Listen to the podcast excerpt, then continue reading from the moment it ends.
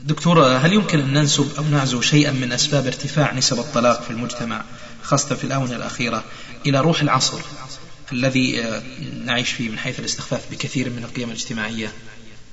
لا شك أن القيم والمبادئ والمفاهيم التي يحملها الإنسان تتأثر بالبيئة التي يعيش فيها. وهذا التأثر كما أنه قد يتجسد في تعميق تلك المفاهيم والمبادئ وترسيخها فإنه تارة يتجلى في إضعافها وجعل الناس يتجاوزونها ولا يهتمون بمراعاتها.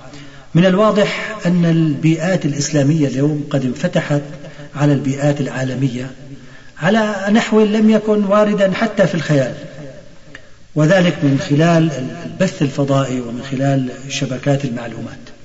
والعولمة التي تجتاح العالم اليوم تنشر أخلاقيات التفكيك الاجتماعي والأسري على نحو مخيف. وحين نتأمل في أحوال الأسرة في الغرب نجد أنها على حافة الانهيار الكامل في كثير من بلدان أوروبا وأمريكا. وقد نشرت إحصائية حديثة في بريطانيا تشير إلى هذا. تقول الإحصائية أنه لأول مرة في التاريخ تتجاوز نسبة المواليد غير الشرعيين أي أولئك الذين ولدوا خارج مؤسسة الزواج تتجاوز نسبة المواليد غير الشرعيين نسبة المواليد الشرعيين أي أن الذين يولدون خارج خارج نطاق يعني أسرة شرعية يعني أقول أسرة شرعية أو قائمة يعني على على عقد نكاح صاروا أكثر.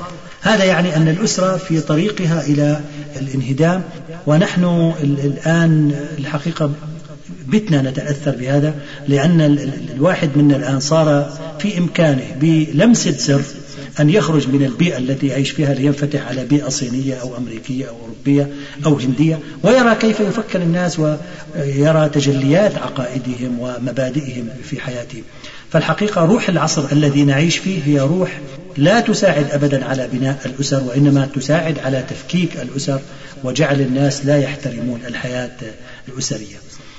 الإنسان المسلم يبذل جهده في إقامة الأسرة وفي تربية أبنائه وفي الإنفاق على بيته تعبدا لله تبارك وتعالى وطلبا للأجر والمثوبة منه على حين أن هذا ليس موجودا لدى الآخرين ممن لا يؤمنون بالله تعالى.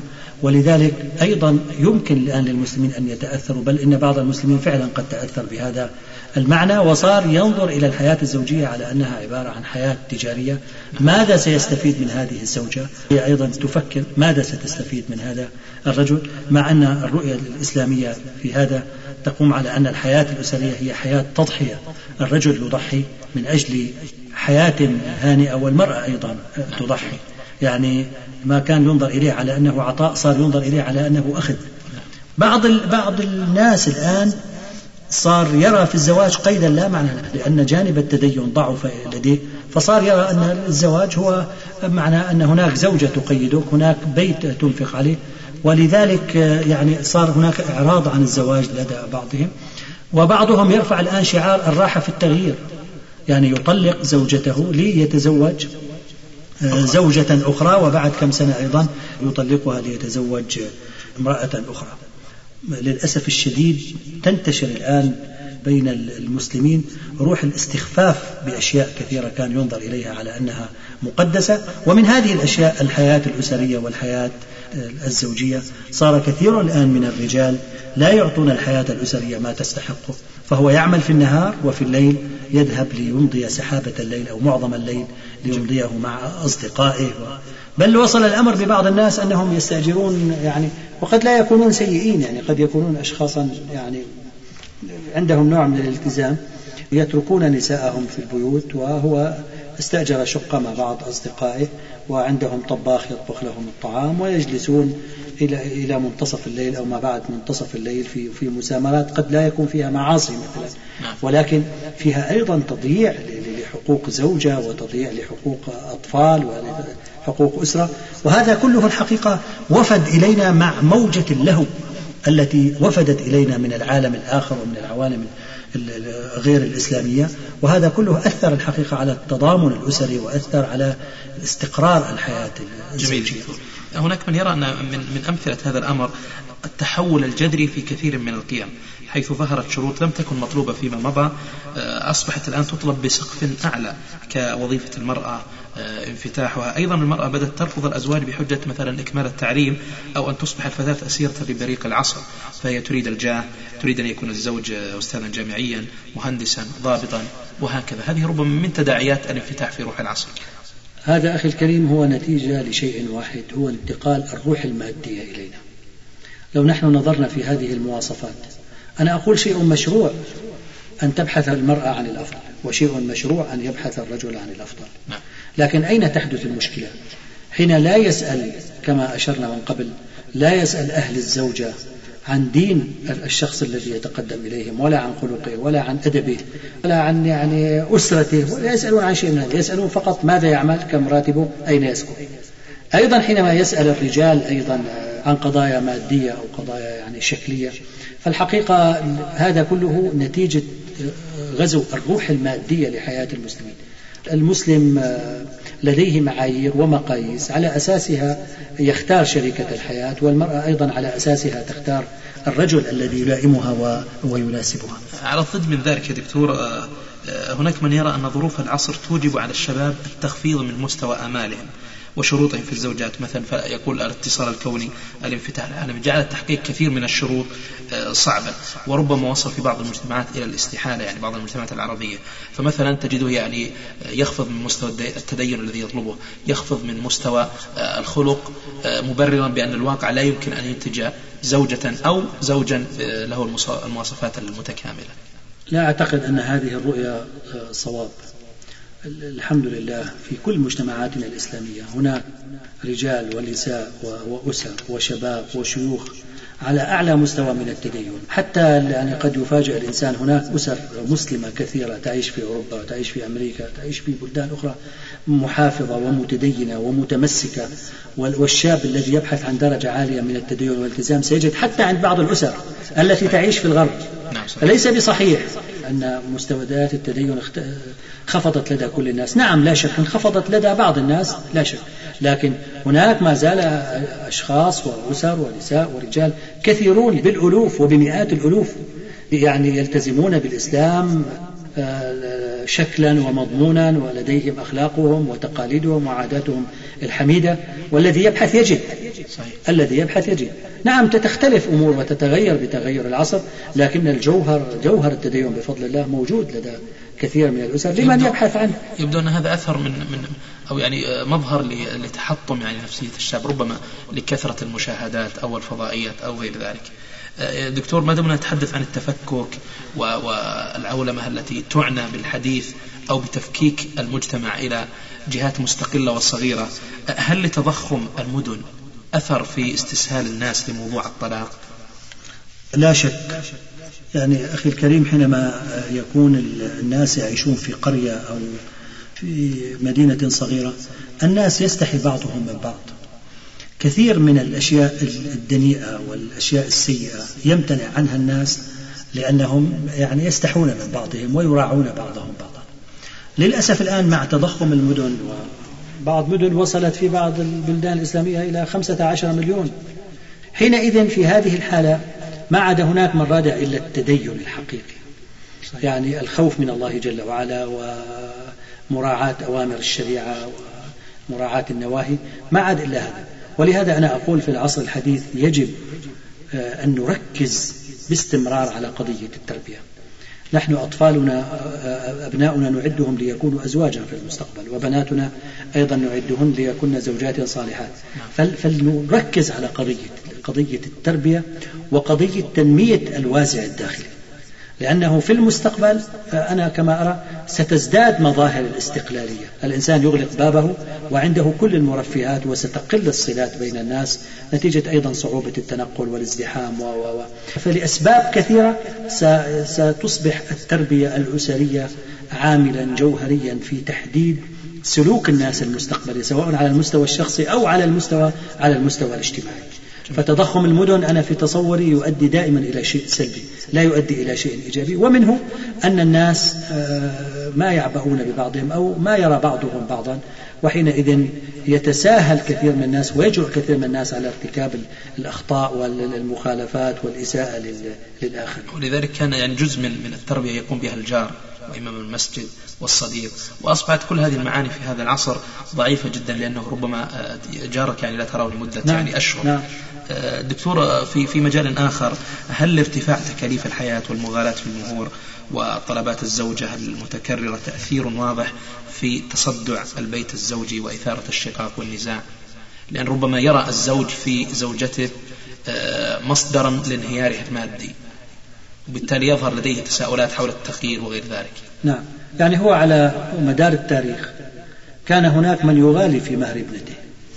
وعلى مدار التاريخ كان في النساء من ترهق زوجها بكثرة ما ترغب في اقتنائه واستهلاكه. وعلى مدار التاريخ كان الزواج يتطلب إنفاقا إضافيا.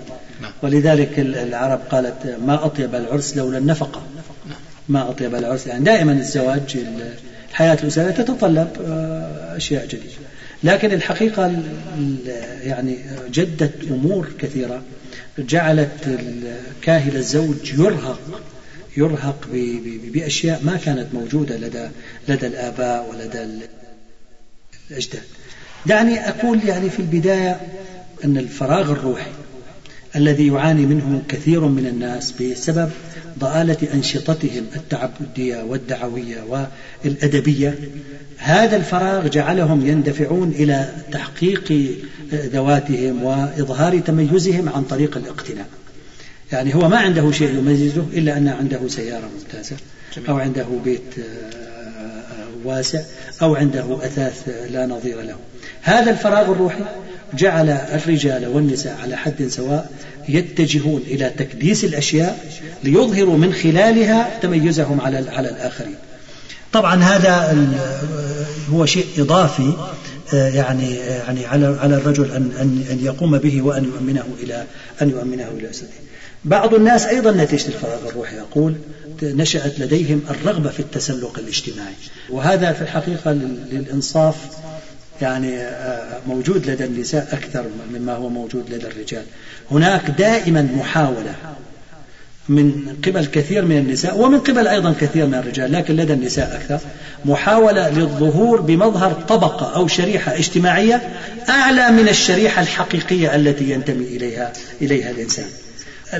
أمر آخر هو أن كثيرا من الكماليات قد تحول الآن أيضا إلى شيء أساسي في حياة الناس.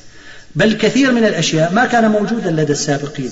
يعني لو دخلت إلى بيت قبل قبل مئة سنة وقومت ثمن الأشياء ربما تخرج بنتيجة أنه ثمنها 100 ريال أو 200 ريال أو 300 ريال أو 500 نعم. ريال لكن الآن تدخل إلى بيت فقط تجد فيه فرشا بمليون أو مليونين.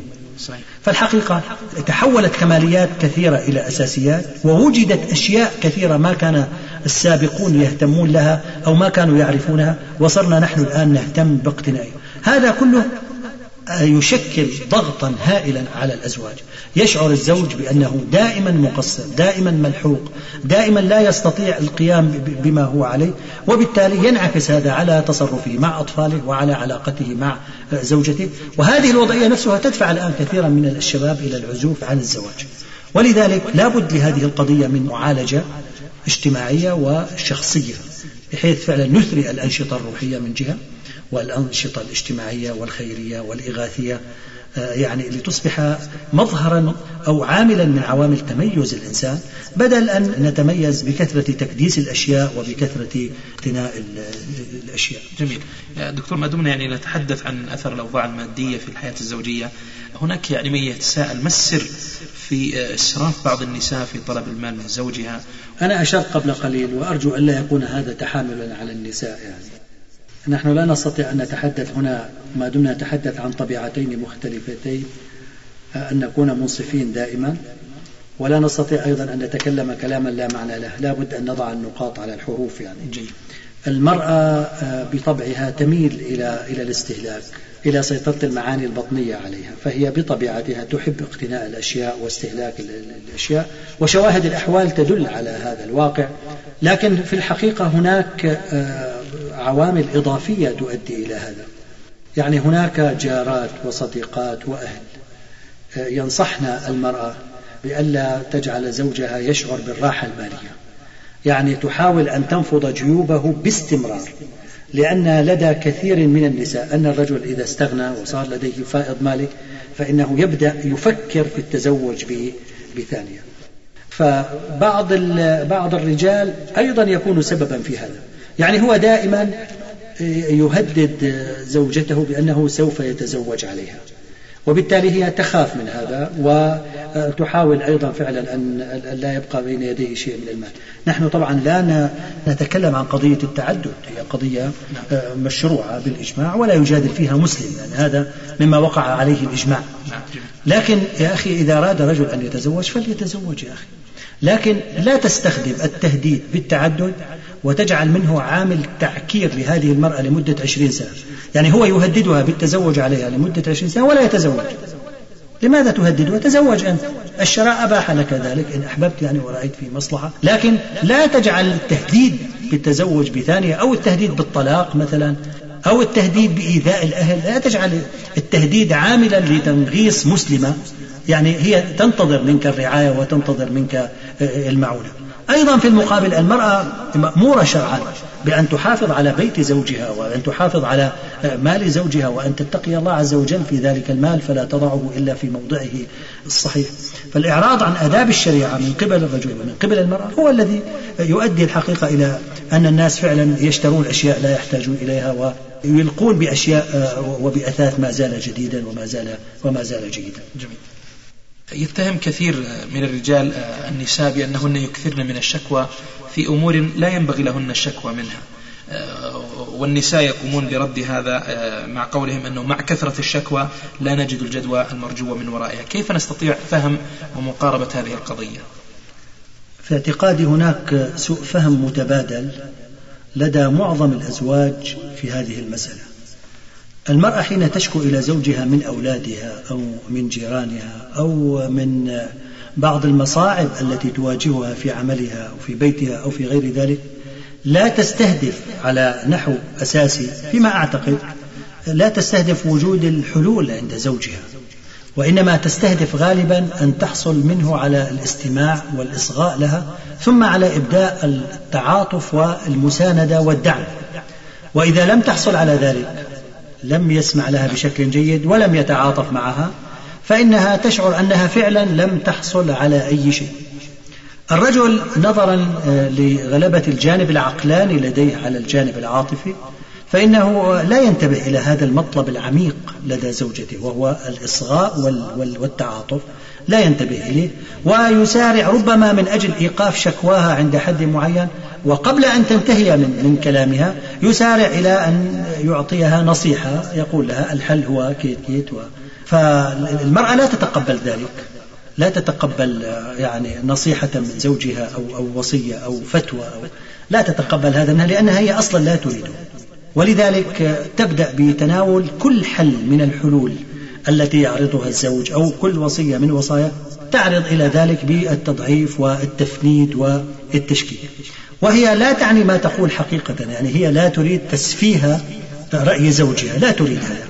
لكن هي جاءها شيء لا تريده جاءها حل وهي لا تريد حلا. وإنما تعبر يعني بتسفيهها أو دعنا نقول بنقدها لكلام زوجها تعبر عن احتجاجها على نعم على نوعية يعني رد فعل زوجها على شكواها الرجل أيضا من جهته يشعر أن موقف زوجته من المساعدة التي آه، قدمها لها هو موقف غير جيد وغير صحيح وغير مقبول. يعني أنت تشكو إلي أنا نصحتك. أنت تبدأ بالهجوم علي وبتفديد قولي. أشعر أن قولك يعني يتسم موقفك يتسم بنوع من الجحود وبنوع من العناد بل بنوع من الاستخفاف والاستهتار. هكذا مع مرور الأيام تستمر المرأة في الشكوى ويبدأ الرجل بعد ذلك بحجب اقتراحاته. يعني يقول هي تشكو لي وأنا أنصحها وهي لا تسمع لنصيحتي. إذا ما الفائدة من الكلام؟ المرأة تستمر في الشكوى وهي كما قلنا تطلب تعاطفا تطلب إصغاء تطلب دعما نفسيا وروحيا. وهو يجد آراءه تقابل بالجحود. فيما بعد يعني الرجل لا يجيب. هي تشكو وهو يصمت آه، لأنه يرى أنه لا فائدة من عندها تتطور المشكلة. تتطور إلى ماذا؟ المرأة تفسر عدم إعطاء الزوج لها بعض النصائح بأنه عبارة عن إهمال لها. وعدم اهتمام بها وربما تقول والله عواطفه يعني تغيرت نحوي ومشاعره تتغير. وبعد ذلك تنقلب الشكوى من أن تكون إليه إلى أن تكون منه. كانت تشكو إليه الآن صارت تشكو صار كل من الزوجين يعني كأنه يتكلم على موجة مختلفة. يتكلم على موجة مغايرة للموجة التي تلتقط عليها الزوجة. وأعتقد أن كل واحد منهما كان بغنى عن كل هذا لو فهم حقيقة المرأة لماذا تشكو. من البداية. المرأة تشكو لأن هي لا تريد حلولا. لا شك أنها في بعض الأحيان تريد حلا لكن ليس هذا هو الدافع الجوهري لشكوى المرأة. المرأة تريد تعاطفا مساندة إصغاء اهتماما. هذا هو الذي تريده خاصة في ظل المرأة غير العامل. تجلس في المنزل طوال الوقت نعم. وتنتظر عودة نعم. الزوج نعم. فيحصل. نعم. شقاق الزوج يبحث عن راحة يقول أنا كل الوقت أعمل خاصة المدرسين. والعكس آه يحصل نعم. عند الزوجة التي في المنزل أغلب الوقت صامتة فهي تبحث آه، عن من تتحدث إليه. فلذلك إذا فهم الزوج آه، تماما ماذا تريد الزوجة وفهمت الزوجة أيضا يعني لماذا يتصرف الزوج بهذه الطريقات تنحل المشكلة. من الجهة الأخرى يا دكتور أحيانا يكون الزوج هو المنزعج. ويحتاج إلى مساعدة زوجته وليس العكس. نعم. هنا أيضا تبدو مفارقة بين موقف الرجل وموقف المرأة. حين يواجه الرجل مشكلة عويصة أو يقع في أزمة أو في مشكلة لا يميل إلى الشك ولأنه بوصفه قائد البيت ورئيس الأسرة. يستشعر أن عليه أن يواجه أزماته ومشكلاته بنفسه دون أن يطلب المساعدة من زوجة أو, أو ولد. ولا سيما إذا كانت المشكلة تتعلق مثلا بعمله خارج المنزل. لماذا يستشير زوجته في أمر هي لا تعرف عنه الكثير أو لا تعرف عنه؟ وهي ما, ما ذكرت قبل قليل من ناحية أنه يصمت لكي يبحث عن حل؟ نعم هو يفكر وهو صامت. نعم هذه نقطة. ولهذا فالرجل يميل إلى الصمت والهجوم ويحرص على أن يجلس في غرفة خاصة بعيدا عن أسرته. المرأة بطبيعتها تحمل في قلبها روحا وشغفا هائلا بالتعاطف مع الآخرين. المرأة لا تتحمل أبدا أن ترى شخصا منزعجا يعني والدا أو ولدا أو يعني أو صديقة. يعني تجد شخصا منزعجا وتقف مكتوفة الأيدي لابد أن تساهم. هذا من نبلها الحقيقة. جي. ولذلك هي لا تتحمل أن ترى زوجها جالسا في غرفة أو أن تجده أمامها ولكنه صامت. هي لا تتحمل هذه الحالة. سكوت زوجها دائما يثير لديها الريبة يثير لديها الخوف. ونظرا لقلة خبرتها بظروف عمله وبعلاقاته خارج المنزل. فسكوت الرجل يعني وانزعاجه يجعلها تفكر دائما في, الأسوأ. هل زوجها مثلا فصل من عمله؟ هل زوجها فقد أحد الأعزاء عليه؟ هل زوجها خسر مثلا في تجارته؟ ما الذي جرى؟ ثم تبدأ هنا نعم تبدأ في الإلحاح عليه وفي سؤاله عن عن الأشياء التي تزعجه هو مهموم وهي كلما قدم لها معلومة تطلب منه المزيد من الشرح. مع أن الرجل كما قلنا هو يحتاج الآن إلى أي شيء يحتاج إلى الهدوء ويحتاج إلى الصمت. وهل الحل أن تتجاهل الزوجة مشاكل الزوج كاملة؟ هي لو أرادت لا تستطيع. لكن دعنا نقول طيب ماذا تعمل؟ ما دام هو تدخلها المباشر في في مشكلته يؤذيه ماذا تعمل؟ أنا أقول باعتقادي أن المرأة تستطيع أن تقدم له دعما بطريقة غير مباشرة. أولا تكف عن الاسترسال في توجيه الأسئلة له وتحاول أن ترسل له مثلا بشيء من الشاي بشيء من القهوة مثلا أو تدعوه من غير إلحاح مثلا لتناول الطعام أو تتحدث معه في أمور لا تتصل بالحالة التي هو فيها يعني تحاول تخرجه من جو الهم كأنه نوع من التنفيس. نوع من التنفيس يعني نوع من صرف انتباهه عن عن الشيء الذي يؤذيه والشيء الذي الذي يؤلمه. ومع هذا؟ أيضا لا تكرهه في هذا. يعني هي لا تفتح معه قضية هو لا يرغب فيها. دعه اتركه. ساعة ساعتين يهدأ يصل إلى شيء. وبعد ذلك يعني وربما وفق يعني خبرة المرأة بنفسية زوجها تستطيع أن تكتشف الطريقة المناسبة لانتشاره من هذا الجو. لا شك. المرأة مع الأيام تكتشف هذا وإن كان بعض النساء يعني تنقضي الحياة الزوجية ولا ولا تكتشف. هو هو الأولى أن الزوجة كمان تعرف أن الزوج أحيانا يحب النعناع أو يحب الشاي العادي أو السكر الزائد أو الناقص يجب أنها تكتشف حتى النفسية. هنا أستاذ عبد الله تكمن المشكلة وهي أن الأشياء الحسية يسهل كشفها لكن الأشياء المعنوية الدوافع الاهتمامات يعني هذه كشفها ليس بالسهل دائما. نعم صحيح. نعم. يظهر من هذا السؤال سؤال آخر يعني آه، حتى تكون المعلومات تنمو.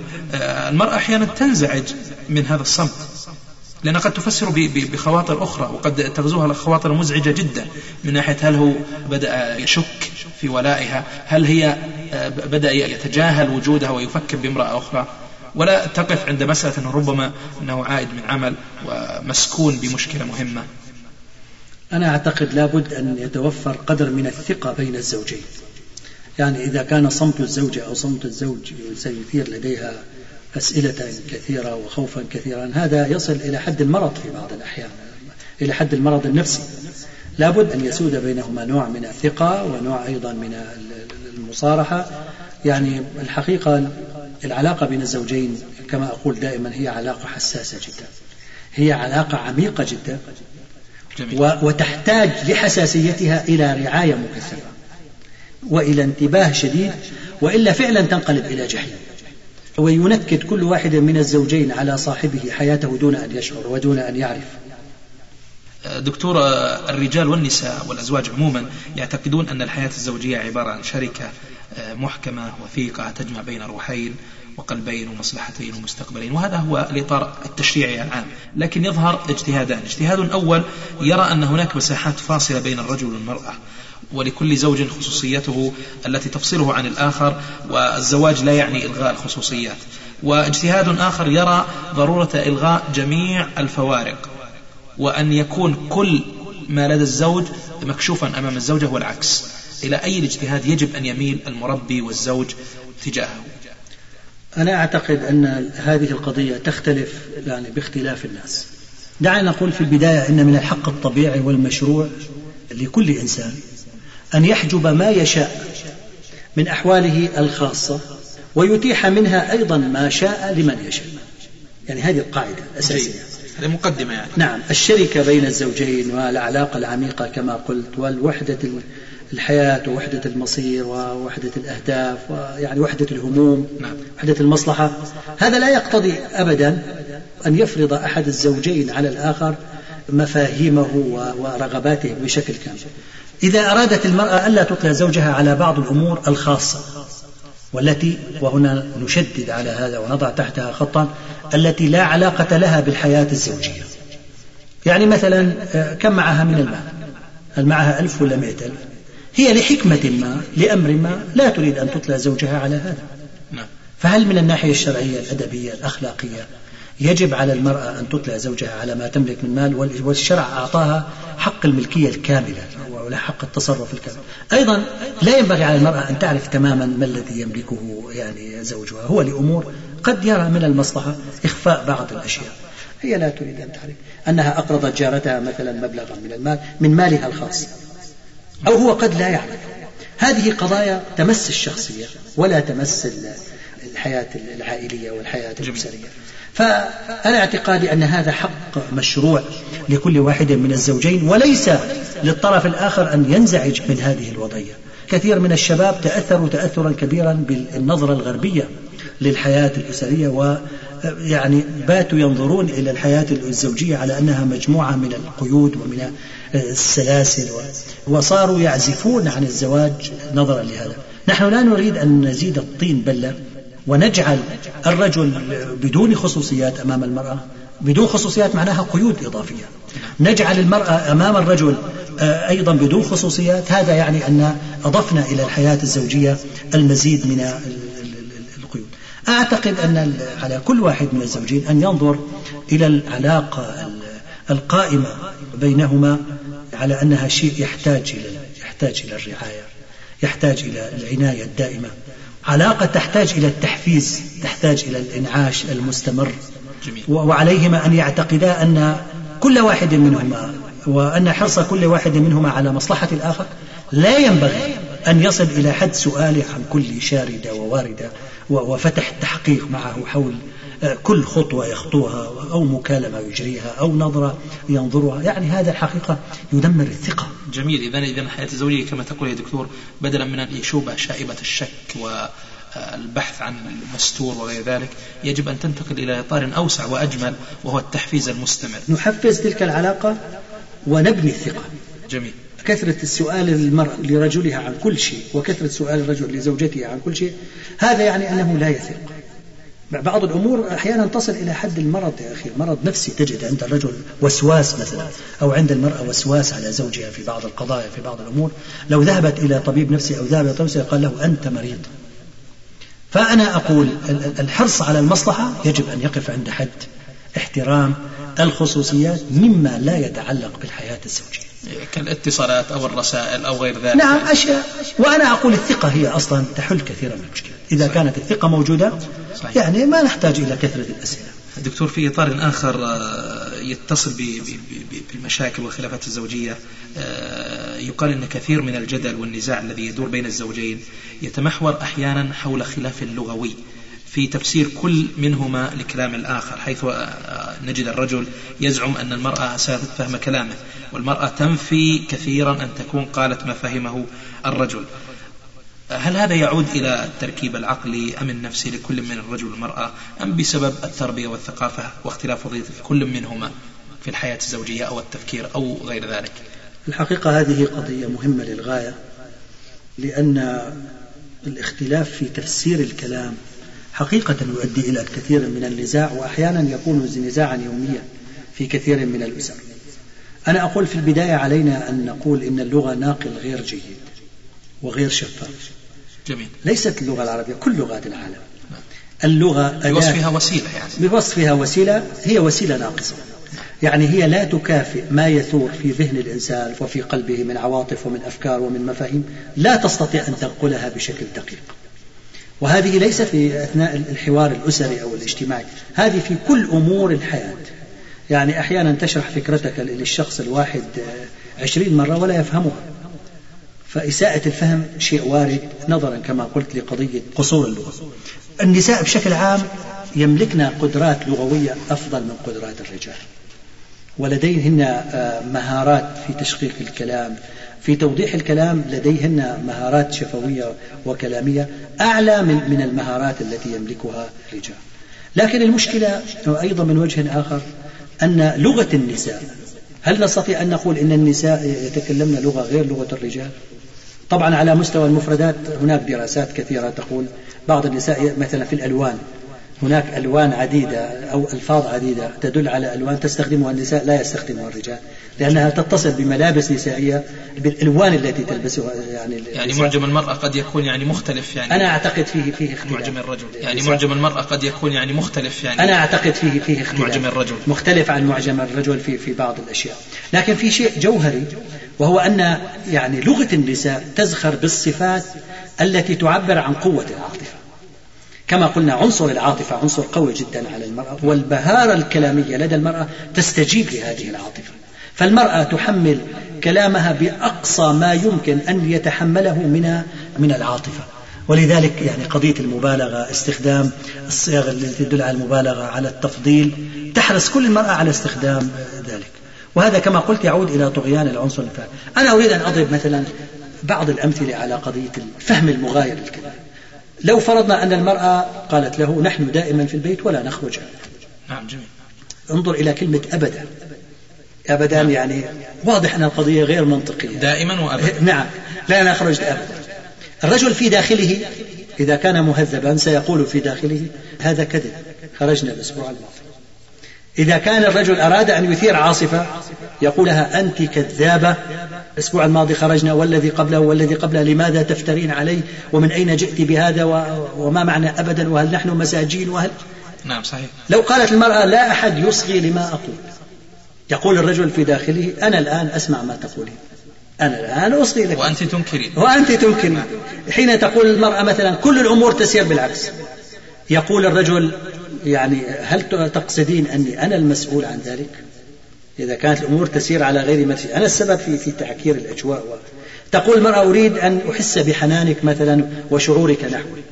يقول الرجل يعني هل تقصدين أن حناني وشعوري يعني قد ماتا؟ أنا ما عندي إحساس ما عندي حنان ما عندي تقول المرأة البيت دائما مبعثر وفي حالة مزرية. يقول الرجل البيت ليس دائما بهذا بهذا الشكل. أو يقول هل أنا الذي بعثرته؟ فانظر أنت معي كيف أن المرأة دائما عنصر المبالغة شحن كلامها بالعاطفة. وربما هذا الفارق اللغوي كما ذكرت يا دكتور آه، ينتج عنه آه، مشاكل أخرى ربما تصل إلى الطلاق عن طريق يعني عدم استيعاب الكلمة بشكلها البسيط. بل كثير من أسباب الطلاق يعني سببها كلام أو سوء فهم يتراكم ويترك انطباعات خاطئة. العرب يقولون إن, إن الحرب مبدأها كلام. كلام. يعني أنا أقول لو قدر للرجل والمرأة أن يحللا معنى أي جملة من من الجمل السابقة التي التي ذكرتها. ماذا نجد؟ نجد أن المرأة لا تريد فعلا الدلالة الدقيقة لما قالت. نعم. نريد الوضوح. إذا الرجل فهم منها الفهم الذي أنا ذكرته فإنها ستلوم هذا الرجل وتقول له أنت رجل حرفي تفهم فهما حرفيا. أنا ما أردت هذا. حين يناقشها تقول له أنت تفهم بشكل حرفي وأنا ما أردت أنه إحنا ما خرجنا أبدا.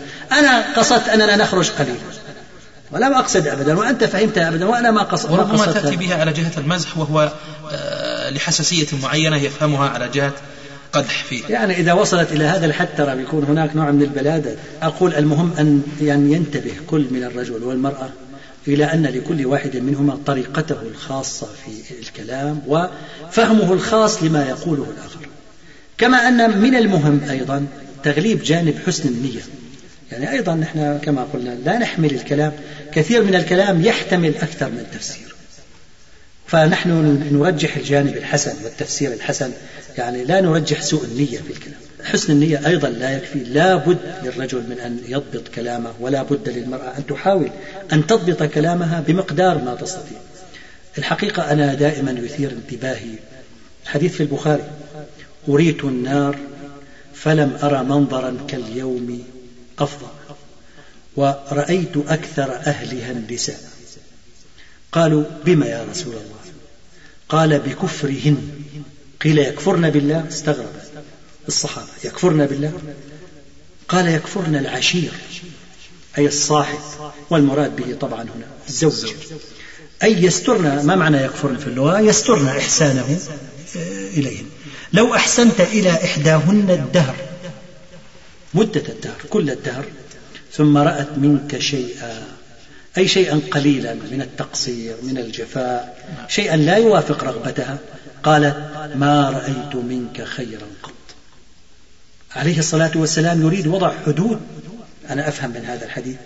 يريد أن يضع حدودا لاستسهال إطلاق الكلام على عواهنه من غير تبصر بمعانيه وبمدى مطابقته للواقع. لكن يؤسفني أن الناس لا سيما النساء لا ينتبهون الحقيقة إلى قضية الدقة الدقة في اللغة. أنه لما تتكلم كلام الإنسان مسؤول عن كلامه. قضية ما رأيت منك خيرا قط يجعلها النبي صلى الله عليه وسلم من الأسباب الجوهرية. لدخول النار أو لتكون النساء أكثر أهل النار. يعني أنا ما ما قرأت ولا سمعت في حياتي نصا يشدد على قضية الدقة اللغوية وقضية أن يتحرز الإنسان في كلامه وفي قوله. وأنا أقصد حتى المرأة لما تقول ما رأيت منك خير قط هي لا تقصد هذا.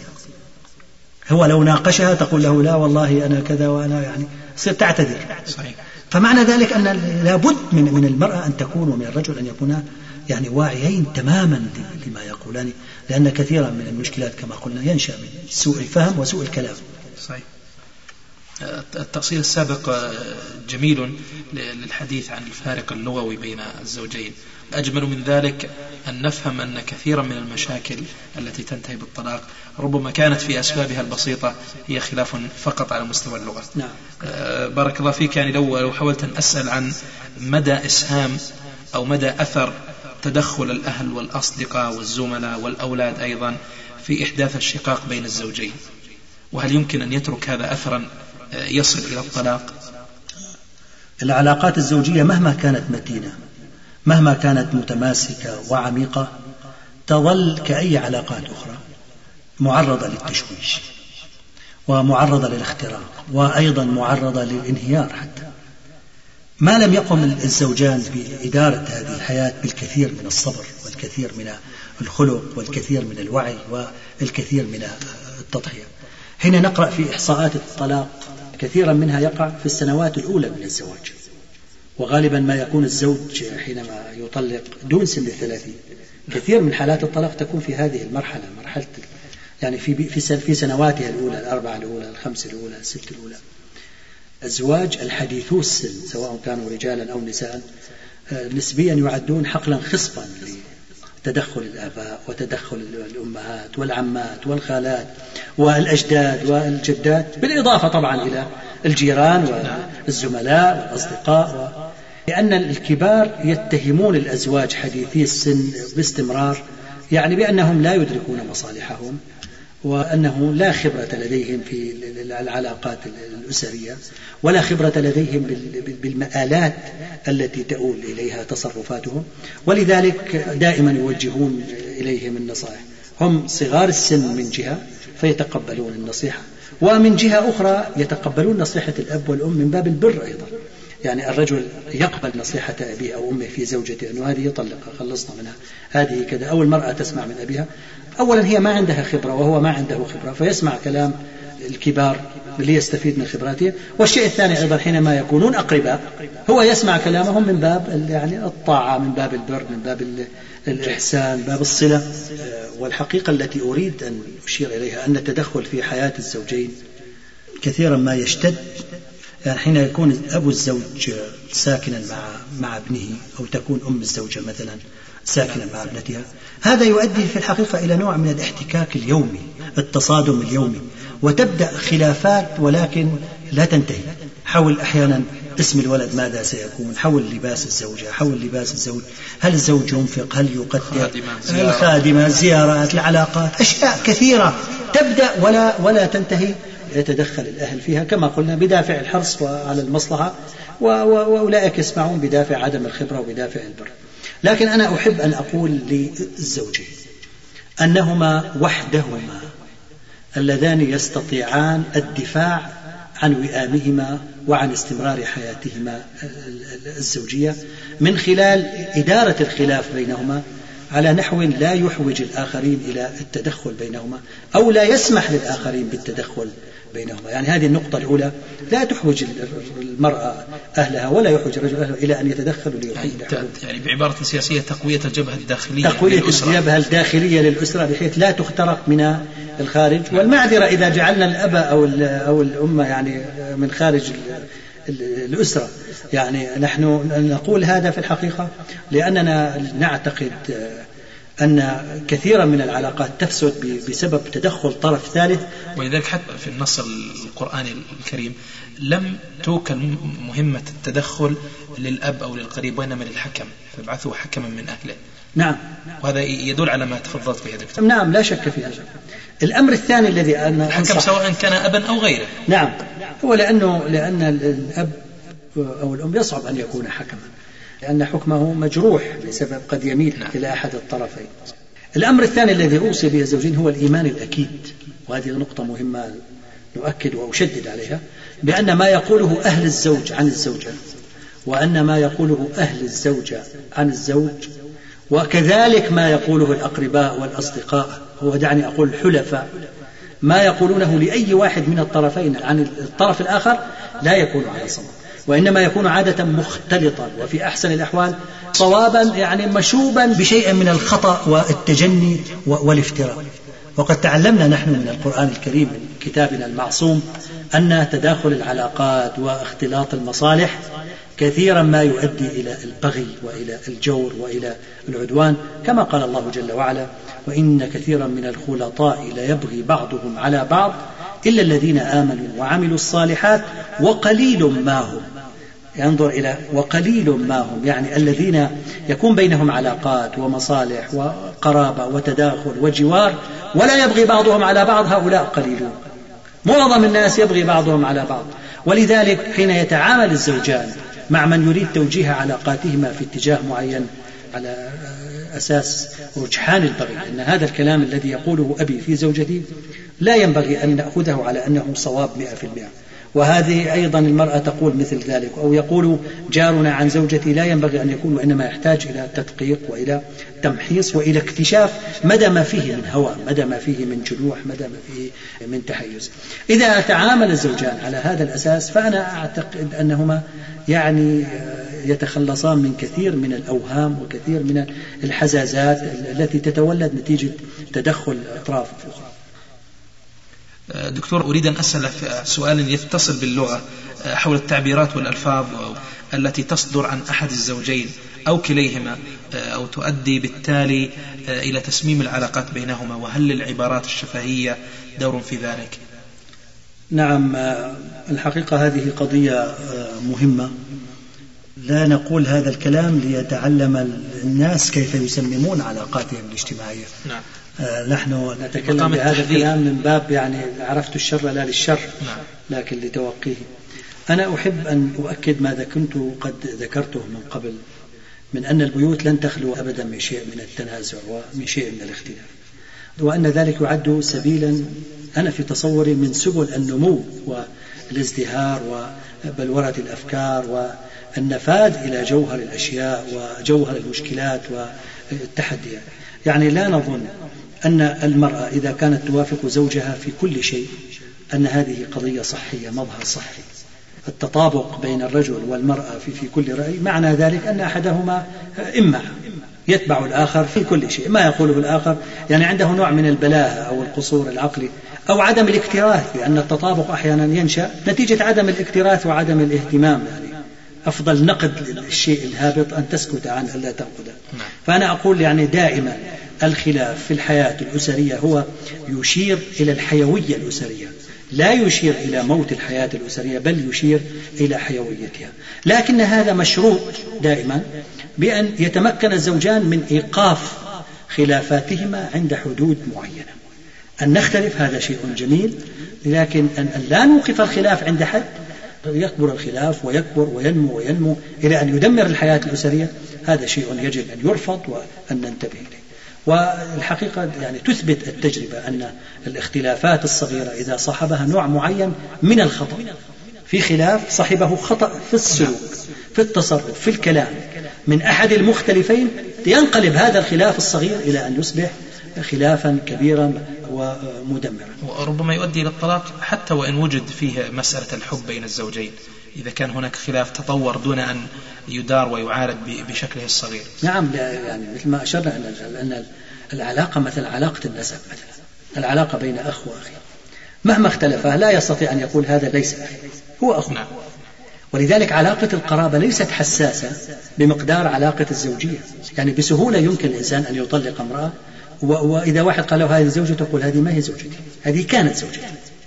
فهي علاقة حساسة ويمكن فعلا أن تنفصل إذا غفلنا عن رعايتها وعن رؤية الأشياء التي تؤدي إلى إلى إضعافها.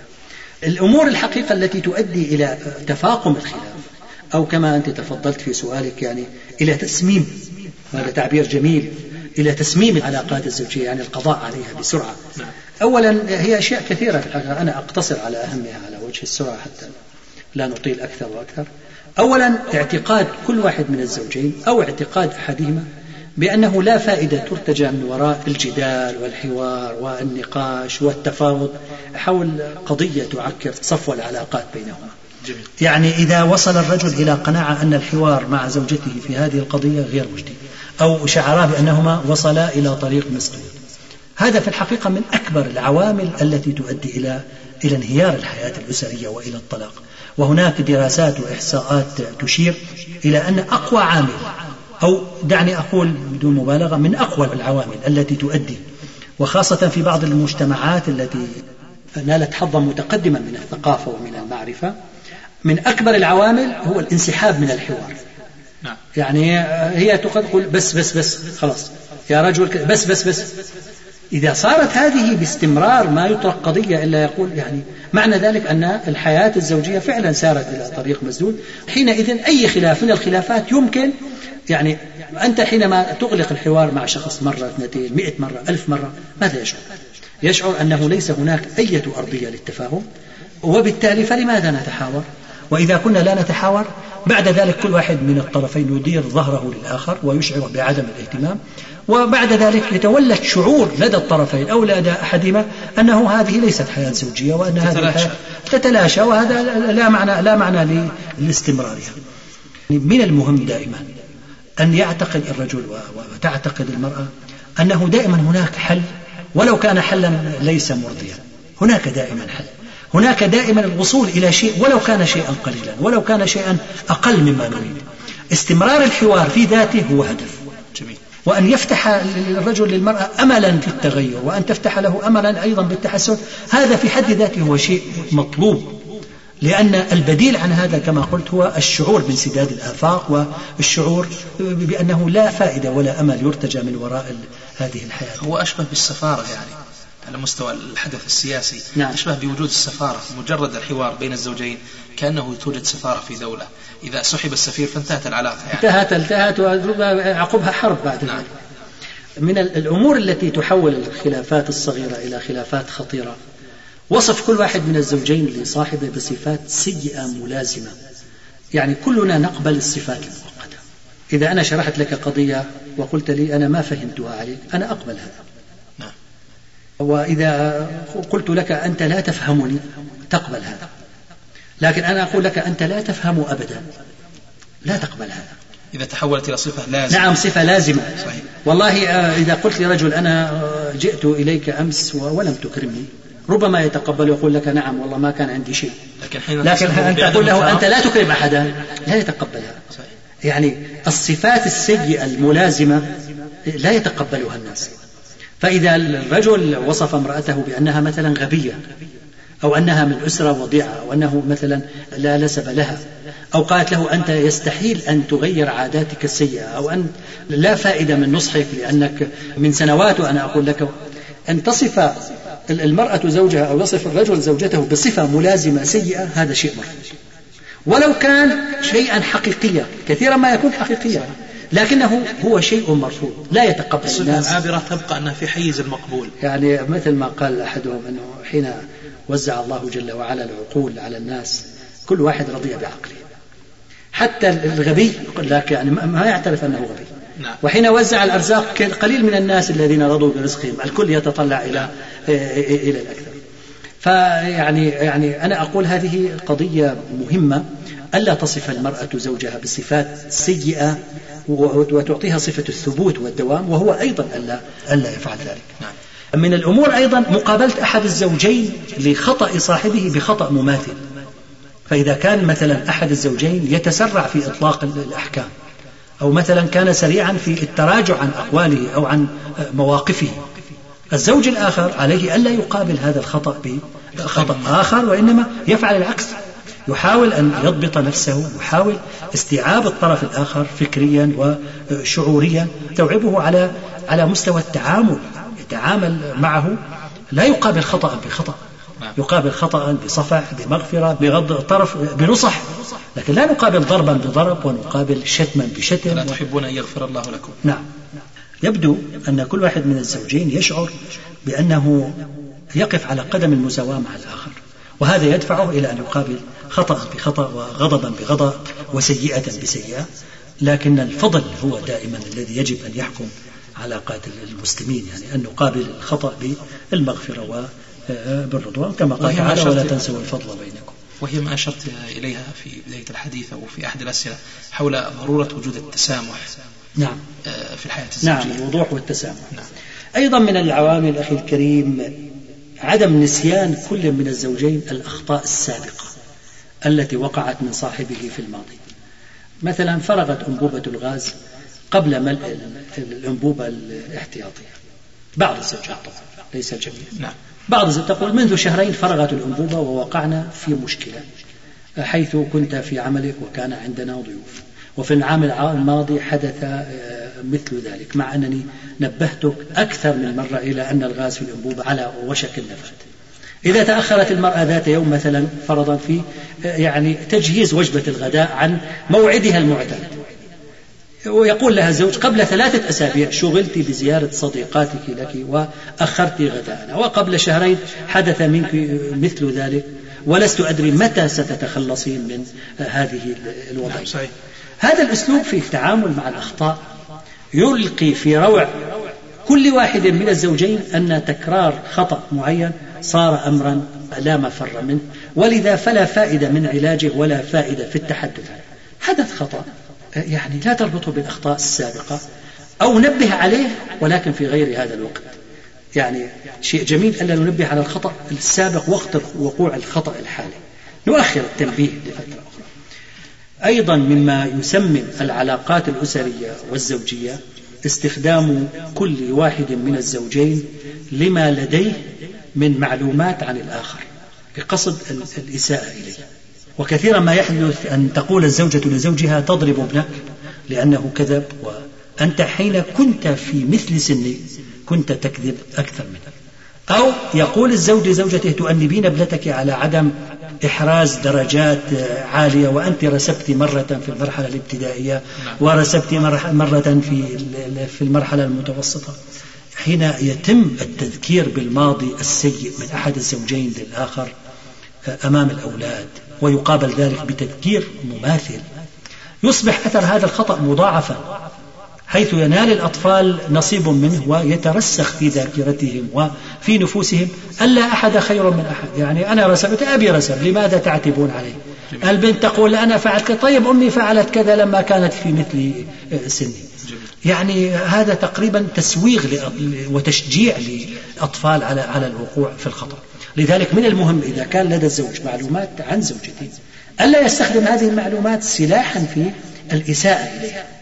وأيضا إذا كان لديها معلومات ألا تستخدمها وتذكره بالماضي وهو يذكرها بالماضي لأن هذا الحقيقة شيء سيء للغاية.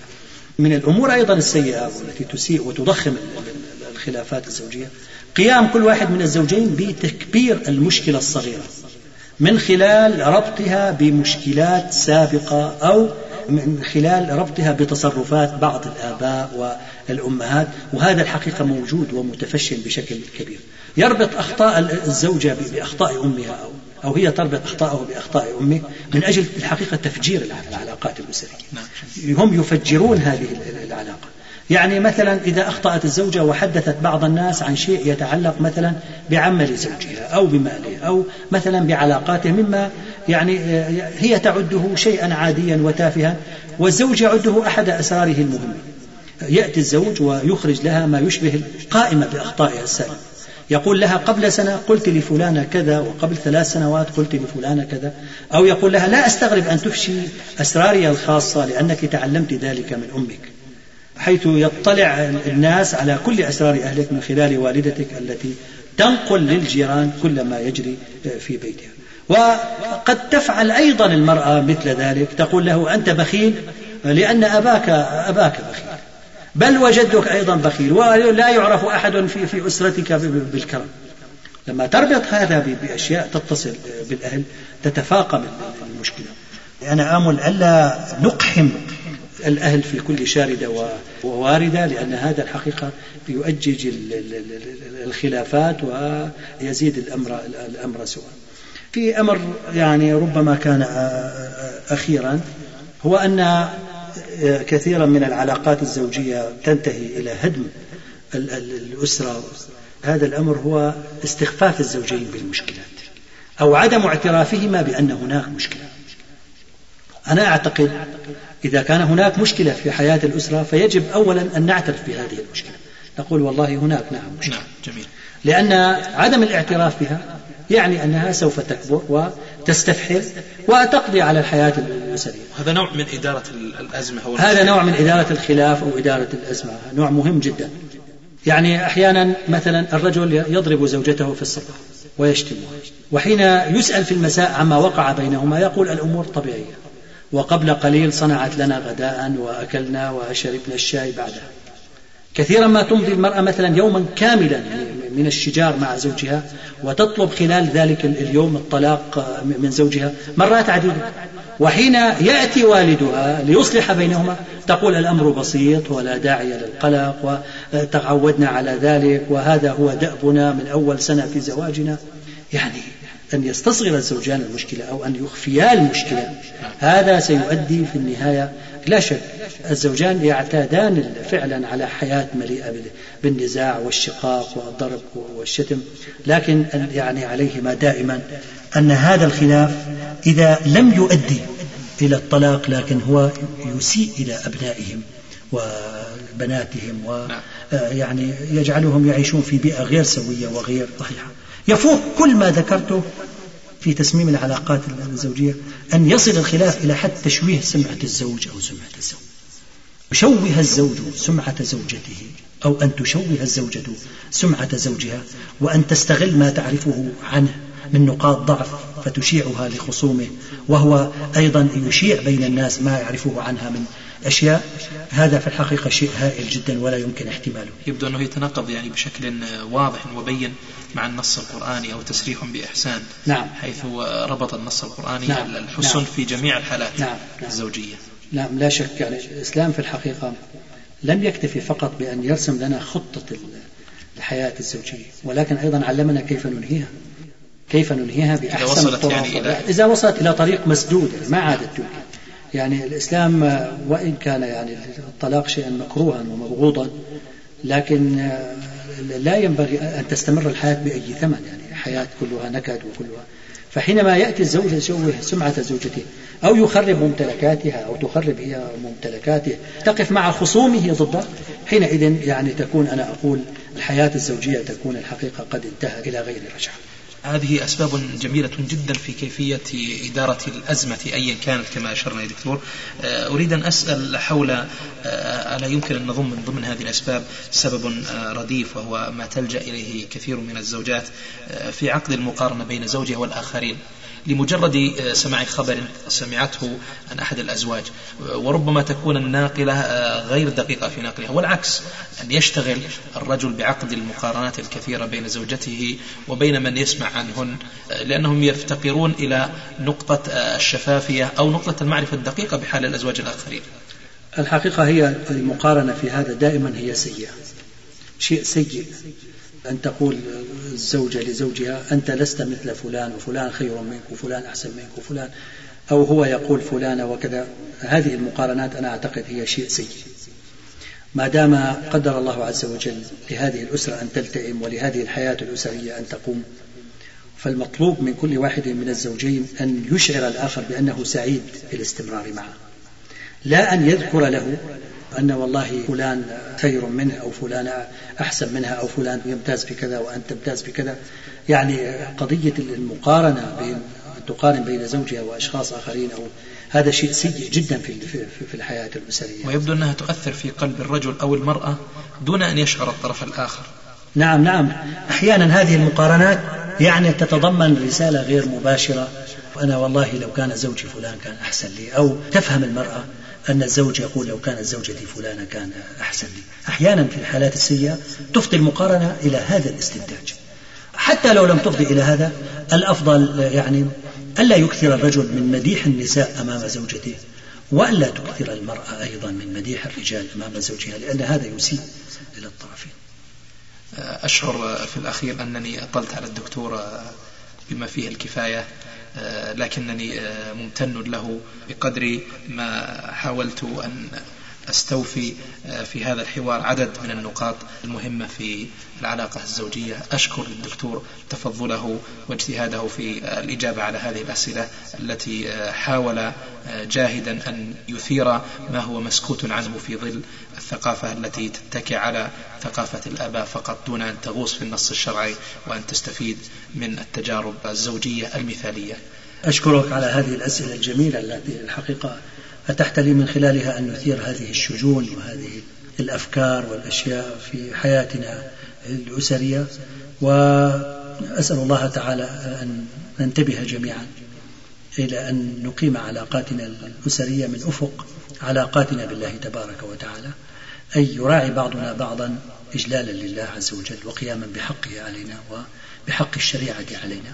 ننطلق من هذا المنطلق ونعالج أخطاءنا بأكبر قدر من الحكمة والصبر والأنات والحلم والتسامح واعتقادي أن هذا الموضوع ما زال يتحمل الكثير من الكلام لكننا سلطنا الضوء بحمد الله على القضايا الجوهرية فيه وأسأل الله تعالى أن يرزقنا العمل بما نقول وبما نسمع وأن يوفقنا لما هو خير وأبقى.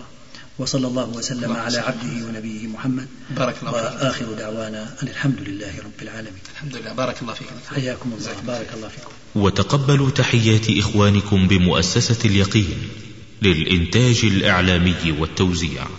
هاتف رقم ستة صفر خمسة ستة ستة ستة تسعة. فاكس ستة صفر خمسة واحد واحد واحد صفر. والسلام عليكم ورحمة الله تعالى وبركاته.